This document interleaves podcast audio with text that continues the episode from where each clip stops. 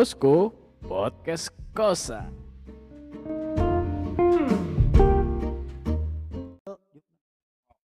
Yo, eee, kembali lagi bersama gua, Feral Alfian. Gua adalah eee, podcaster yang ada di kota Bandung kebetulan. Pada kali ini, eee, gue ditemenin sama CS gua. Ya, CS gua adalah salah satu orang yang tinggal di kota Bandung juga, satu kota kebetulan sama gua. Dan sekarang, eee, ada di samping gua kebetulan. Mungkin, eee, biar dia aja yang kenalin dirinya sendiri. Hmm, orang-orang dikenalin gue disuruh kenalin sendiri, dibayar kagak. Ya, eee, gua nih, eee, Deva nih kebetulan perwakilan dari sebenarnya gue bukan orang Bandung sih, Yan. Gue orang kabupaten, kabupaten. Ya mungkin udah deket-deket lah, daerah Kopo lah. Ya jadi gua di sini sebagai pemuda kabupaten gitu ya. Nah, gitu nih. Gue ini nih, Nah, itu dia teman gua namanya Depan.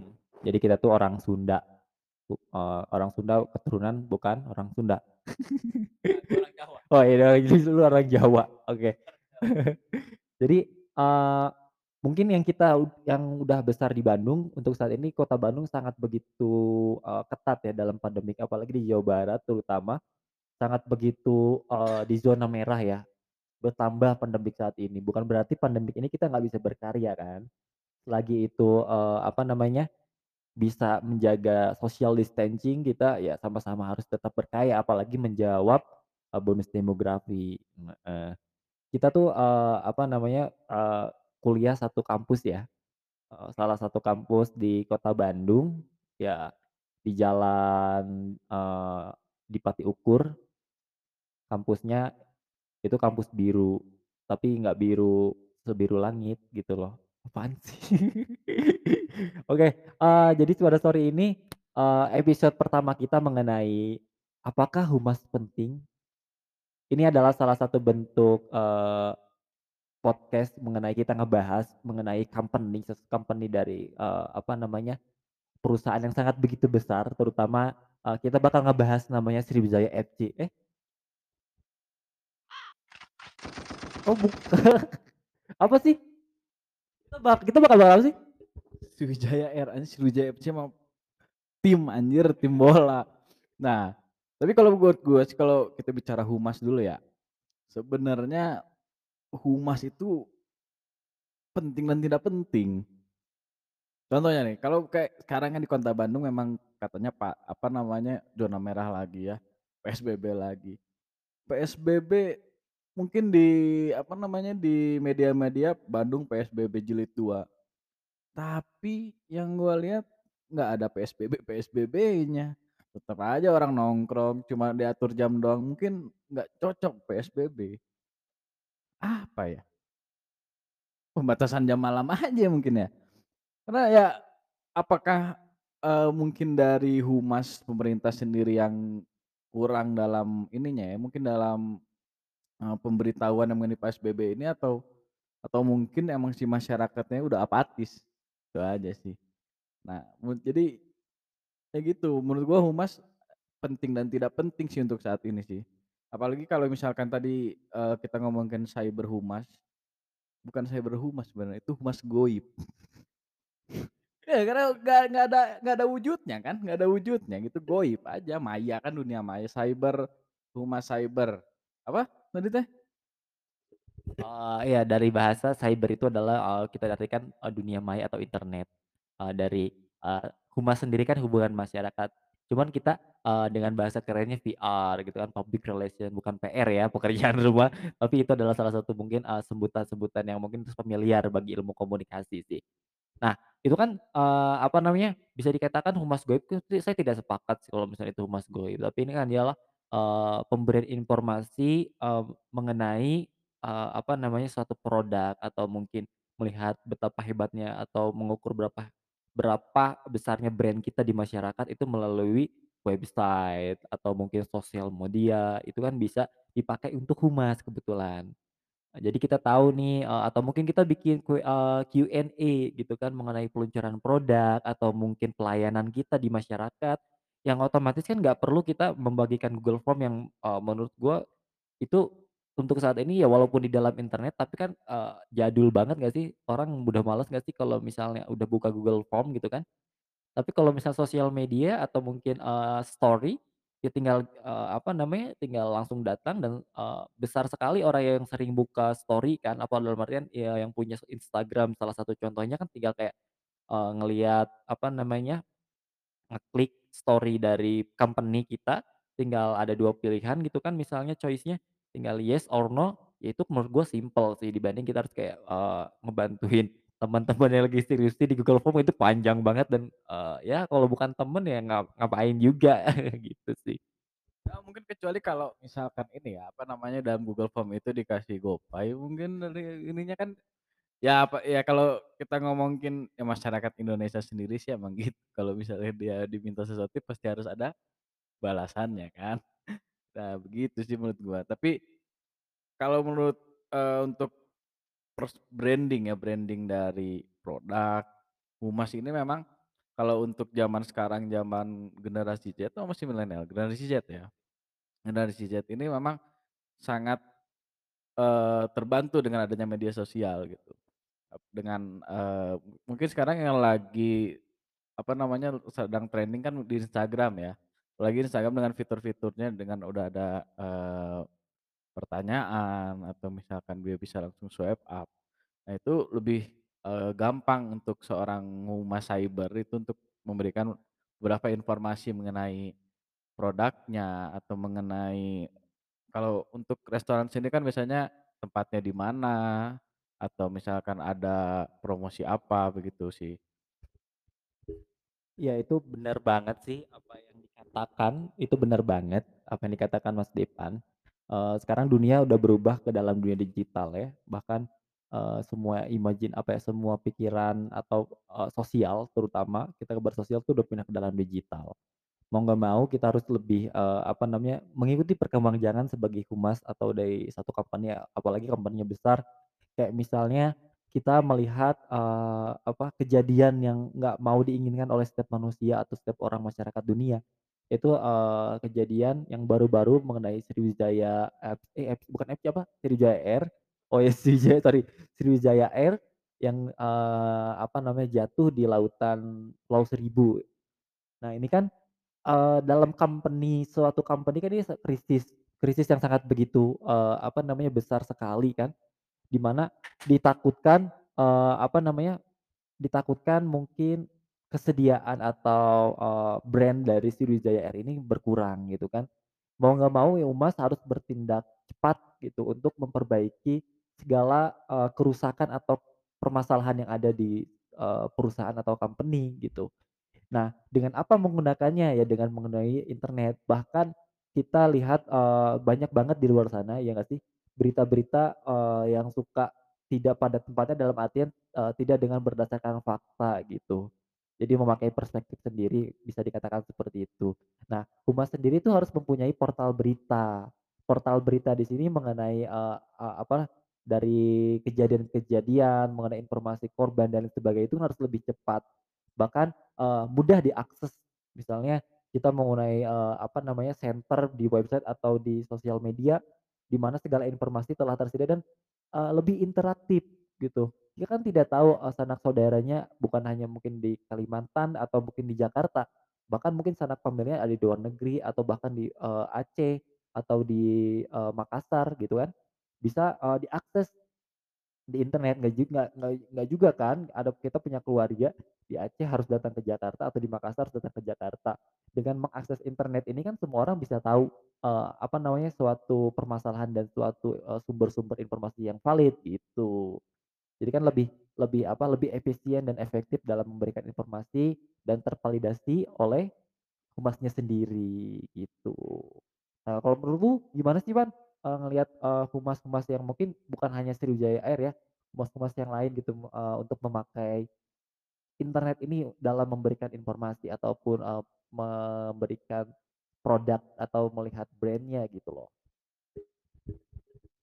Nah kalau kalau tadi yang disambungin dulu dari yang tadi, eee, menurut Ian sendiri kan tadi, s kalau dilihat dari kejadian Sriwijaya Air ini kan Ian berharapnya dari portal eee, dari perusahaannya ya, perusahaannya ada portal beritalah. Cuma mungkin ini juga bakal sulit juga sih kalau untuk, eee, perusahaan, apalagi perusahaan Sriwijaya kan itu yang lebih fokusnya dia ke, eee, airline ya, dibandingkan dengan portal berita. Kalau misalkan gua ini sebagai sebagai manusia gitu ya, orang Indonesia sendirilah misalkan untuk mencari berita pasti langsung ke, eee, media-media mainstream berita kayak misalkan, eee, apa namanya itu, Kumparan atau misalkan Berita Satu Online, apa.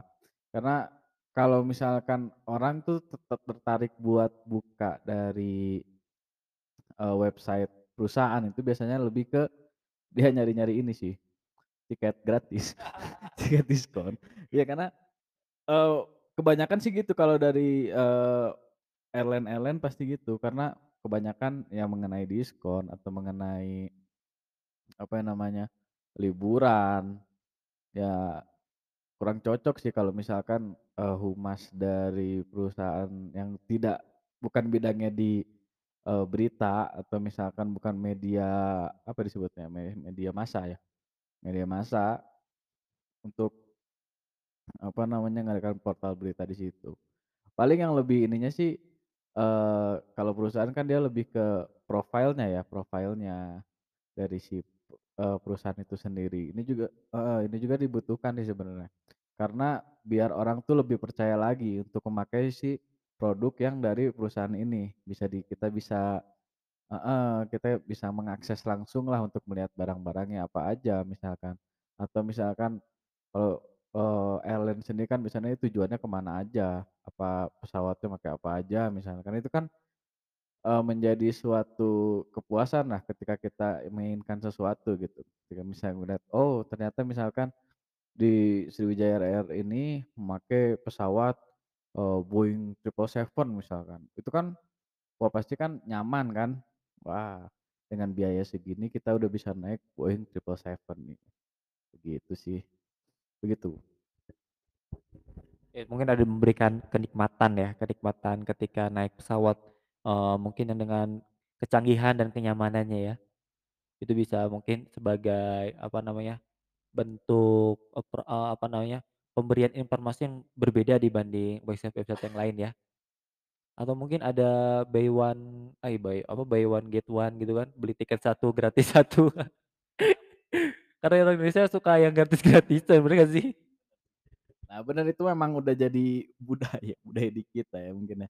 Tapi yang lebih penting sendiri sih kebanyakan ya kalau misalkan di website perusahaan ini itu nggak ada ininya, apa nama dia menyediakan, eee, untuk, eee, masukan, kan suka ada tuh, apa namanya, eee, kritik dan masukan. Nah ini tuh sebenarnya sesuatu yang perlu cuma jarang jarang orang akses sebenarnya tuh. Nah ini, yang harus bagaimana humas ini bisa menyentuh itu gitu. Jadi kita tahu nih kekurangan dari, eee, perusahaan kita tuh apa sih, produk kita tuh apa sih kekurangannya. Nah ini karena kalau gua lihat di beberapa website dari perusahaan atau misalkan website-website yang lain itu masukan dan kritikan itu biasanya ada di pojok paling kanan atau enggak di paling bawah. Nah itu kan jadi Kurang apa ya, sebenarnya nggak perlu juga, mending nggak usah ada aja. Tapi kan ini kalau misalkan kita yang mau perusahaannya maju itu kan penting kan penilaian dari orang buat evaluasi dari kita sendiri gitu. Ya gitu sih mungkin.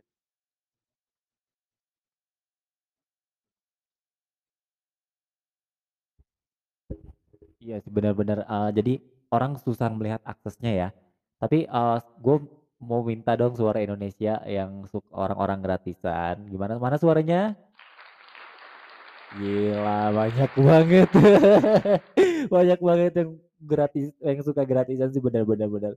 Tapi emang sih, eee, dari perusahaan mungkin, eee, apa namanya, ada ketakutan ya kalau, eee, memberikan kolom komentar yang sangat begitu besar atau di tampilan pertama orang ngebuka websitenya ada besar kritik dan masukan gitu kan, karena orang bebas dalam berekspresi gitu kan. Cuman itu juga bisa diakalin kan, kayak misalnya penelitian kuanti kan, ya pertanyaannya yang A atau B atau C gitu kan. Jadi tidak melebar ke mana-mana. Itu bisa dipakai juga sih, eee, skema komunikasinya seperti itu, ya nggak sih? Karena Yang yang gue lihat juga website-website bukan hanya website apa namanya, Sriwijaya Air ya, eee, dalam artian, website-website, eee, yang lain gitu. Eh, tapi kita ngomongin Sriwijaya Air, lu pernah naik pesawat Sriwijaya Air nggak? Nah ini ini real real cerita gua ya, Tes. Nah, real cerita gue jadi dulu tuh kan gue SMK itu di SMK Penerbangan nih. Kebetulan kebetulan tuh gue tuh PKL di Sriwijaya Air. Nah nah pesawat yang jatuh kemarin itu adalah pesawat yang karena gue posisinya mekanik kan. Kalau mekanik ya kayak orang bengkel lah, orang bengkel gua yang masukin olinya, gua yang ganti olinya yang kayak gitu kan, ganti ban heeh, bener.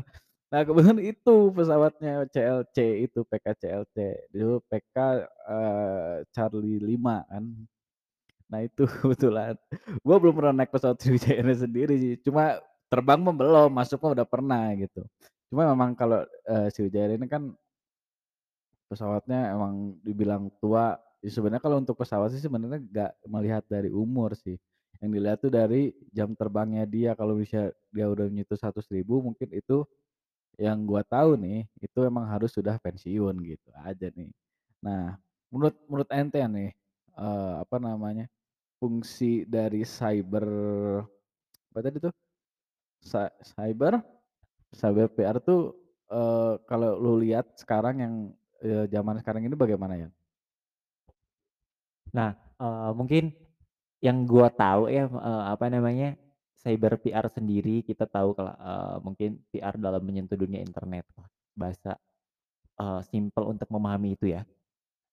Banyak banget sih sebenarnya, eee, cyb cyber-cyber PR yang memakai itu semua gitu kan, terutama perusahaan-perusahaan yang peduli akan, eee, betapa pentingnya brand itu dijaga gitu. Cuman, eee, ini sebagai apa ya, sebagai menurut menurut gue sih sebagai ino harus ada inovasi ya. Bagaimana humas itu harus bisa mengerti dalam keadaan masyarakat sendiri. Kita tahu ada teknologi artificial intelligence atau bisa disingkat AI, atau mungkin ada juga yang lebih hebat big data. Itu kan menurut gue gila banget sih.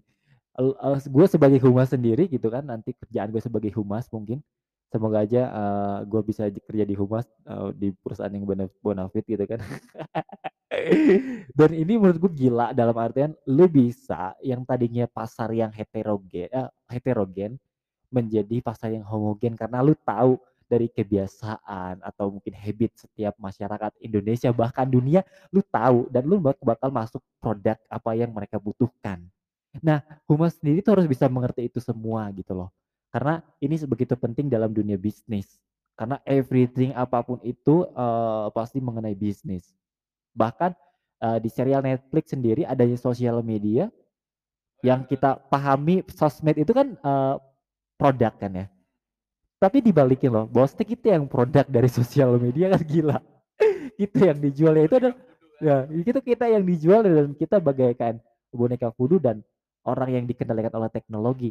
Karena, eee, AI itu setahu saya semakin banyak data yang tersebar itu semakin pintar, bahkan melebihi manusia itu sendiri gitu loh. Walaupun kita tahu ada short time, eee, short time dan long time gitu dalam otak kita, cuman AI itu paling gila sih, apalagi dibantu oleh big data. Ini kan salah satu bentuk strategi yang harus benar-benar kita ambil gitu loh. Dan jangan sampai ketinggalan, karena kita tahu, eee, apa namanya, bangsa Indonesia ini bangsa yang menurut saya pribadi konsumtif gitu kan. Banyak investor-investor yang datang, ya ini kesempatan mungkin bagi, eee, apa, perusahaan-perusahaan untuk, mmm, memberikan educate, eee, mengenai produknya dan mungkin memasarkannya lebih luas lagi dalam jangkauan-jangkauan yang sangat begitu luas, bukan hanya Indonesia. Mungkin Thailand, eee, apa namanya, Malaysia, Myanmar, ya Asia Tenggara lah, atau mungkin bisa lebih jauh lagi dan lain sebagainya. Ini kan salah satu bentuk, eee, apa ya, peluang yang harus selalu dimanfaatkan mengenai, eee, apa namanya, teknologi. Karena menurut gue mungkin, eee, siapa yang menguasai teknologi maka menguasai pasar. Karena e-commerce itu adalah investasi saat ini yang sangat begitu mewah dan gue, eee, kalau gue misalnya bisa mengulang waktu, gue pengen bisa berkontribusi membangun e-commerce sih, itu sih. Kalau lu gimana sih melihat ini semua? Nah sebelum gitu sih, gua lebih lebih ininya gini, kalau, eee, apa namanya, eee, humas, ini humas ini kalau misalkan kalau misalkan ente yang mungkin yang eee, bergulat di ilmu komunikasi mungkin humas ini mempunyai arti yang begitu panjang ya, begitu luas lah. Cuma kan kalau misalkan kita di orang-orang awam, humas ini cuma satu Pak tugasnya, nyebar-nyebar surat. Surat Nye apa? nyebar-nyebar surat kan kalau misalnya kita organisasi, "Oh lu humas lu, lu humas." Oh apa kerjanya, ya paling itu aja katanya, ngasih-ngasih surat undangan begitu kan. Nah menurut ini kan, eee, kurang apa ya namanya, kurang teredukasi lah fungsi humas ini tuh apa sebenarnya humas ini. Nah, kalau menurut ente ya, sebenarnya kalau misalkan untuk seorang humas, dia tuh harus, eee, apa namanya, memiliki apa aja nih untuk menjadi sosok, eee, humas yang profesional, yang kreatif itu harus punya, eee, senjata apa aja sih menurut lu? Oke, eee, kalau gue ditanya seperti itu gue bingung, gue juga belum lulus anjir, dan gue bukan seorang praktisi. Cuma secara teori gue belajar, yang gue pahami sih mengenai kelas humas ini adalah, eee, gimana sih cara lu, eee, nanti berkomunikasi dengan baik gitu kan. Kita juga ada mata kuliah, eee, negosiasi, gimana lu nanti, eee, bisa mengambil keputusan dalam perusahaan dan lain sebagainya kan. Emang sangat begitu luas. Bahkan company-company yang mungkin sedang berjalan dan, eee, sudah besar pun harus memiliki tenaga humas itu sendiri gitu loh. Karena, eee, kita tuh sekarang itu sedang mungkin lebih banyaknya sendiri menggunakan gimana sih, eee, cara humas membangun hubungan dengan seluruh stakeholder baik itu eksternal maupun internal melalui jejaring internet atau di dalam dunia dunia maya dan lain sebagainya gitu kan. Mema memanfaatkan teknologi untuk lebih, eee, menjangkau masyarakat yang begitu luas ini gitu loh. Cuman karena mungkin, eee, kita di ilmu komunikasi, eee, khususnya humas atau mungkin di eee, generalnya komunikasi bukan hanya humas tapi jurnal maupun broadcasting, itu pun, eee, harus pintar-pintar kita membangun konten yang lebih kreatif. Mungkin bisa dikatakan kita tuh harus bisa jadi konten kreator.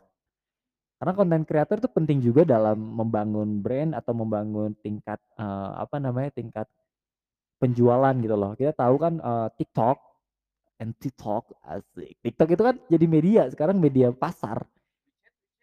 Oh kalau WeChat tuh media pasar, cuman bukan produk yang dijual. Mungkin dulu ya, bukan produk yang bukan bukan produk tapi jasa. Ya gitulah, eee, aduh ya astaga si anjing. Maksudnya TikTok tuh yang dulu mungkin kita suka dikatain, "Alay lu alay lu pakai TikTok," gitu kan. Tapi sekarang TikTok tuh, eee, apa ya, TikTok tuh kita ngelihat TikTok tuh kayak, wah gila ya, sekelas Washington Post aja yang di Amerika tuh punya loh akun TikTok-nya sendiri, Tempo pun udah punya. Berarti kan ini sebagai, media yang di mana, eee, apa namanya, menjanjikan untuk, eee, memberikan iklan untuk kepada produk-produk yang kita punya gitu. Kita tahulah, eee, bahwasannya mungkin humas akan melihat, eee, memikirkan suatu media ketika, eee, kita tahu, eee, attention masyarakat itu di media mana gitu.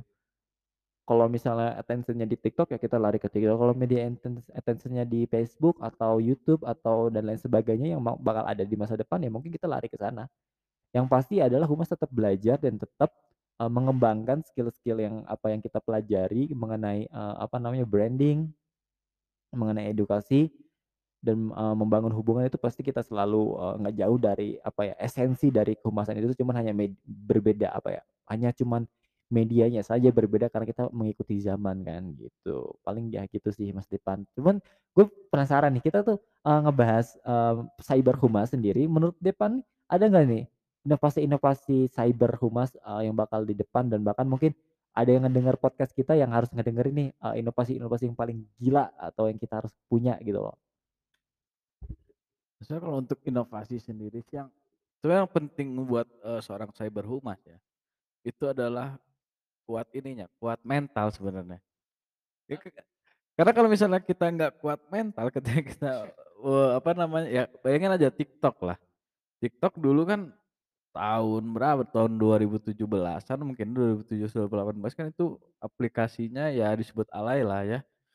Bahkan nih saking gilanya ada ada ini apa namanya, eee, yang tanda tangan tanda tangan tuh petisi. Nah, petisi yang untuk kubu penolak TikTok ada kan. Ini kan gila gitu kan sebagai kita yang sebagai humas kan bener-bener harus kuat mental.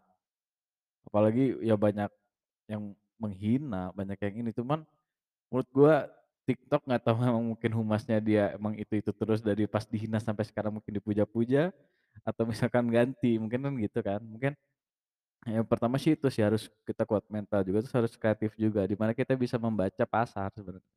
Apa sih yang, eee, apa namanya, kesukaan dari, eee, masyarakat sendiri, mungkin bisa kita menampilkan produknya lewat video atau foto, tapi fotonya mungkin yang lebih, apa ya, lebih keren gitu atau misalkan, bapau misalnya bapau di mana kita fotonya mungkin background-nya, eee, Ka'bah mungkin, ya kan bisa kan itu menarik kan, berarti kan istilahnya, "Wah anjir ini udah sampai luar negeri nih," kan gitu kan.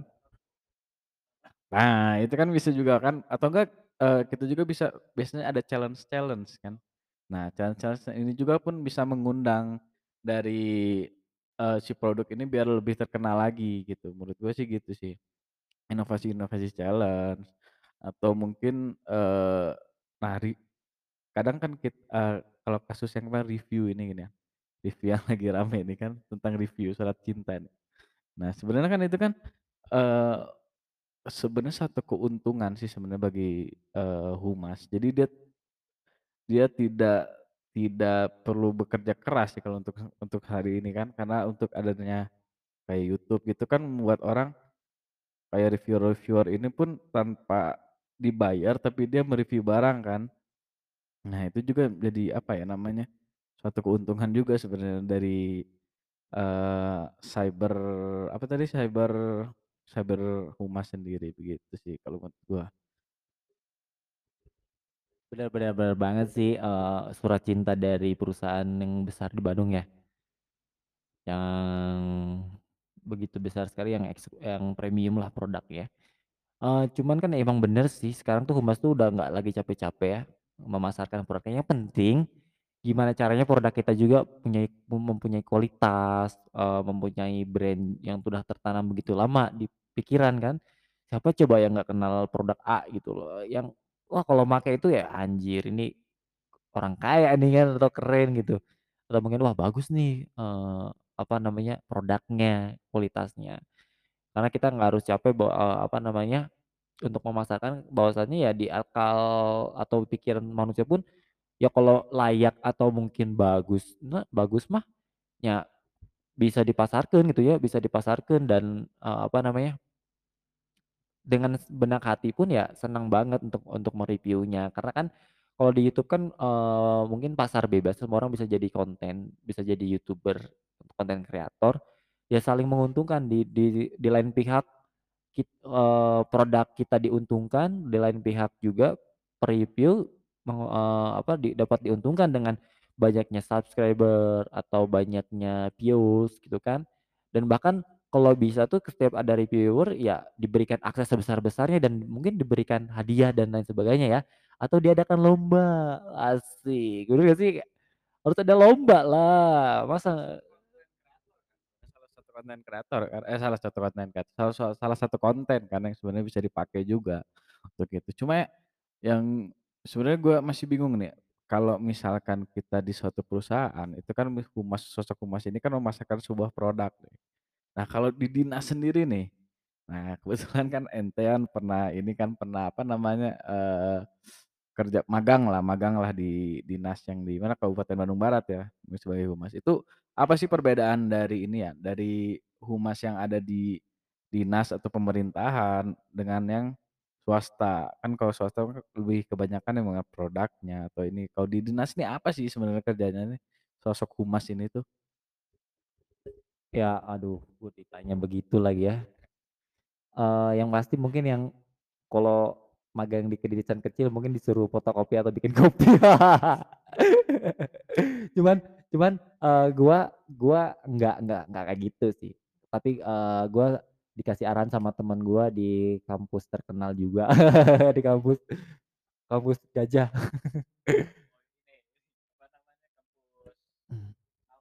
Ya, kampus Salman.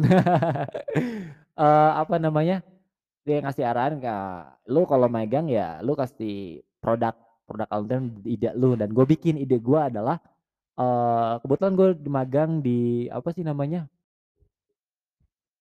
eee, kembali lagi kita, eee, tadi ada bersambung ya. Saking semangatnya ngebahas, eee, cyber humas. Nah, kembali lagi gue tuh ngeba eee, ngebangun pengen website ternyata cuman ada kendala lah, entah itu kendala keuangan karena pandemik dan lain sebagainya dan ya sampai sekarang belum bisa terlaksana sih. Mungkin di lain waktu ya ada lah orang yang bisa, eee, terbuka untuk, eee, kecerdasan bangsa atau tingkat literasi. Kalau buta huruf saya yakin bangsa ini, eee, udah apa ya, udah banyak yang nggak buta huruf lagi. Cuman masalah akses gimana sih orang bisa, eee, mengerti dan sadar bahwasannya, eee, dunia ini bukan hanya untuk bekerja dan beribadah, tapi ada sisi lain yang begitu, eee, krusial mungkin dari isu-isu lingkungan dan lain sebagainya sih. Itu sih kalau gua pengalaman gua di kedinasan sih ya. Mungkin dari lu gimana sih kalau pandangan lu? Itu, eee, dinasnya dinas mana tuh dinas mana tuh? Gua tuh di Dinas Kearsipan dan Perpustakaan Kabupaten Bandung Barat sih. Nah, itu make sense sih kalau misalkan, eee, Ian sendiri, apa namanya, bikin, eee, perpustakaan online gitu kan katakan ya. Nah, yang gua bingung ini kalau misalnya ke dinas pemakaman, itu humasnya ngapain? Apakah, eee, dinas ini ngasih tahu jumlah tanah yang masih kosong kah atau gimana? Tapi apakah semua dinas-dinas, eee, di ya negara kita kan ada dinas di bina marga, bina dinas dari pemakaman pertamanan, mungkinnya dinas apalagi ya? Dinas perhubungan gitu, apakah semua dinas ini perlu yang namanya humas sebenarnya? Eee, yang pasti harus kan yang gue bilang, sekecil apa pun perusahaan harus ada jasa humas sih. Karena dana-dana CSR pun di di, eee, apa, di-manage oleh humas itu sendiri. Cuman ini lucu sebenarnya, ada dinas pemakaman dan, eee, pertamanan ya, harus apa, makam orang, ya menurut gua kalau berani sih, eee, ada data gitu kan, misalnya jumlah kematian di kotanya tersebut, di wilayahnya tersebut, atau jumlah tanah yang bisa dipakai, atau bahkan ada edukasi mengenai, eee, bahwasannya, eee, badan manusia itu berguna untuk tanaman. Gitu kan, misalnya udah makam yang udah lama nih, eee, apa namanya, yang udah lama dikubur gitu kan, bisa digali lagi, dipakai lagi buat orang lain, kan bisa. Atau mungkin yang lebih ekstrim, tapi ini mungkin, eee, bakal apa ya, bakal menyeramkan mungkin ya bagi sebagian orang, mungkin mayat itu, eee, apa namanya, tidak dikubur. Gue lihat gue lihat ada ada di portal berita Vice kalau nggak salah internasionalnya, eee, ada mayat tuh di di ini, di ditidurin aja di di kayak di apa, bukan taman ya, eee, savana gitu. Jadi diemin, nanti, eee, apa namanya, dia bakal jadi apa ya, eee, ada salah satu proses kimiawi kimiawi lah. Ya saya mungkin bisa dikatakan kalau di secara teknisnya mungkin bakal mual ya, cuman ya akhirnya adalah nanti si, eee, apa namanya, tubuh ini, apa namanya, bisa memberikan pupuk atau mungkin, eee, tingkat tingkat dari si badan kan badan kita juga badan ya, mungkin berasal dari alam ya, apa yang kita makan kan berasal dari alam gitu loh. Ya itu membantu perkembangan tumbuhan sih. Cuman emang ada penelitian, saya lupa lagi sih ya, eee, bakal itu merubah tanaman atau enggak, cuman tanaman yang di sekitar itu pada mati. Karena kan bau bau ya atau mungkin proses kimia yang wah parah banget lah. Jadi tanaman di sekitar bangkai itu tuh pada mati gitu loh, pada mati dan jadi hitam semua gitu. Cuma kan emang, eee, ya pada prosesnya adalah ya kita harus dikubur gitu. Cuman, eee, dikuburnya kalau misalnya di kota kan mungkin lahan sempit ya, mungkin pindah ke kabupaten yang punya lahan besar atau mungkin si kuburan ini, eee, kita rubah jadi tama tanaman ih tanaman, sorry sorry, jadi jadi jadi taman. Taman rekreasi kan bisa, edukasi, eee, apa namanya, edukasi religius gitu kan, gimana kalau kita mati. Ah, di Korea tuh ada, kita tuh di kayak ditidurin di tempat peti mati kan, merasakan kayak kita tuh mati gimana sih, kenapa nggak bikin inovasi kayak gitu kan, siapa tahu, ya mungkin ada ngeyel, cuman kan unik gitu, why not nggak kita coba gitu. Maksudnya cuman humas kan bukan di situ ya kerjanya ya, cuman humas tuh memberikan informasi aja, cuman kenapa nggak sih humas tuh punya, eee, sebagai orang-orang yang mungkin di at di atas lah dalam birokrasi jadi orang yang punya inovasi-inovasi baru. dengan menggunakan teknologi dan lain sebagainya gitu. Maksud gua, eee, ide-ide itu harus selalu ada. Ide-ide itu harus ada dan sampai jangan lebur, melebur, eee, secara normatif kita gunakan misalnya dari tahun 95 ya kita ngikutin ya senior-senior kita, nggak bisa gitu, gitu loh. Zaman pun berubah zaman pun berubah, kita harus juga berubah gitu, menemukan inovasi-inovasi pun harus selalu ada gitu. Nah, cuma kalau misalnya, eee, mungkin mung kalau humas secara cyber ini kan mungkin baru ada mungkin dari ketika internet sudah masuk mungkin ya, dan itu pun mungkin di, eee, tahun 2010-an mungkin ya. Nah cuma, eee, masih apakah sebagai humas tetap harus, eee, mengikuti ini gitu, mengikuti zaman ketika kita misalkan yang dulu mungkin pakai selembaran-selembaran atau mungkin di koran-koran, apakah harus, eee, apa namanya, harus ditiadakan aja gitu loh maksudnya si, eee, apa namanya dari si media tersebut kayak selembaran gitu, apa semua apa namanya, semuanya harus ke ke media sosial terus? Dari situ gimana sih? Ya, eee, apa sih namanya, ya nggak mungkin dari konvensional kita pakainya kertas ya medianya, dalam iklan gitu kan, adanya koran mungkin bermanfaat dalam pengiklanan produk. Cuman kalau iklan dari paper kan misalnya dari kita medianya media paper atau kertas, nggak semua orang itu, eee, bisa dapat paper pertama, nggak dan semua orang bisa menjangkau. Nah, internet ini salah satu gebrakan begitu dahsyat sih. Kayak misalnya paper-nya adalah paper kita pakai misal paper, eee, Pikiran Rakyat. Pikiran Rakyat mungkin besar banget di Kota Bandung, eee, umumnya di Jawa Barat kan. Nggak bakal bisa ada Pikiran Rakyat, eee, sampai ke Aceh, sampai mungkin ke Malaysia, gitu kan, nggak sampai. Nah, internet ini dari seluruh dunia kita bisa mengakses, mungkin dari Instagram suka ada tuh link website-nya kan. Nah, kita bis sudah bisa mengakses dan kita nggak butuh uang banyak untuk, eee, setiap provinsi kita ngasih iklan, gitu loh.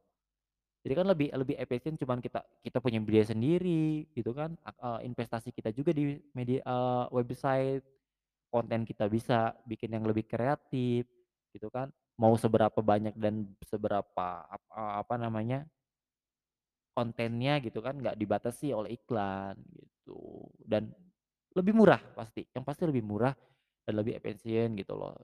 Ya tergantung dari kita nanti di dalam, eee, bentuk gimana caranya mengembangkan website atau mungkin sosial media untuk kita, eee, apa ya, menaikkan brand brand dari suatu company itu sendiri sih. Ya mungkin itu sih yang mungkin gue bisa jawab dari diskusi kita ini mengenai cyber humas gitu loh.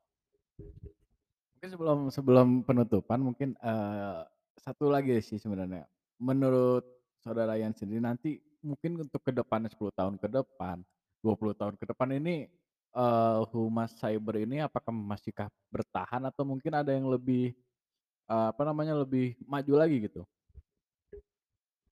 Ya kalau dari kata sih sebenarnya, eee, namanya teknologi nggak bakal padam ya untuk abad 21 ini. Selalu ada nanti media-media baru dan selalu ada inovasi-inovasi baru yang bakal kita harus, ya, eee, apa namanya, masuk juga gitu, nggak bisa konvensional juga, nggak bisa diem-diem aja. Kita harus selalu mengikuti ki eee, apa namanya, eee, perkembangan teknologi yang terutama kem untuk kepentingan company sih pastinya ya. Untuk kepentingan company kita selalu gunakan itu dan yang lu bilang tadi ya kita ngelihat pasar pasti. Kita ngelihat pasar, kita ngelihat attention yang di banyak di sebelah mana ya kita pakai itu. Cuman kalau untuk ke depannya menurutku ini masih pasti bisa dan semakin lebih berkembang lagi sih.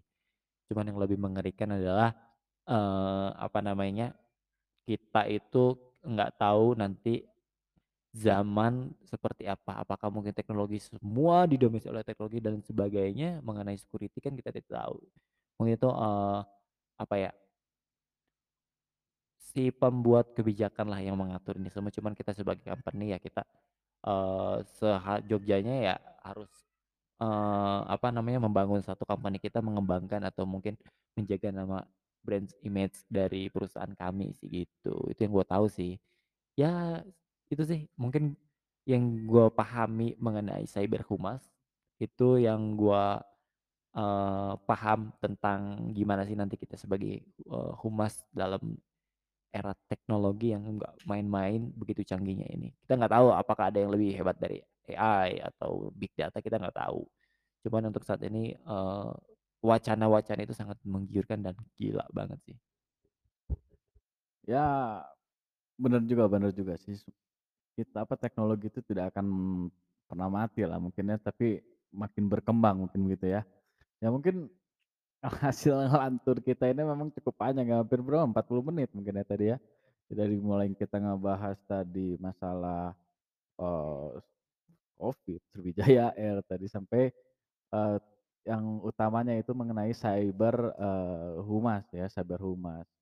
Nah, di tahun ini kan jadi menurut hasil yang gua ringkas sendiri sih, cyber humas ini begitu penting nih dengan adanya cyber humas ini pun semua perusahaan atau misalkan dinas-dinas itu semakin terbantu karena dari segi pengeluaran pun jadi semakin sedikit.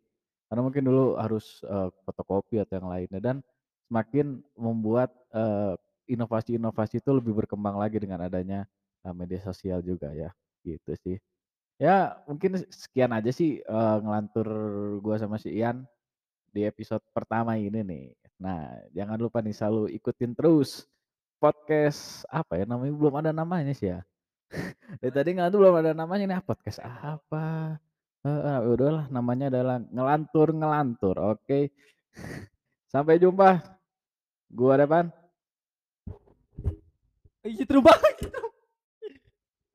setrum setrum, aduh sorry. Gua Feral Alfian dan sampai jumpa ketemu di kota Bandung. Thank you. Thank you thank you. Terima kasih para penonton. Assalamualaikum warahmatullahi wabarakatuh.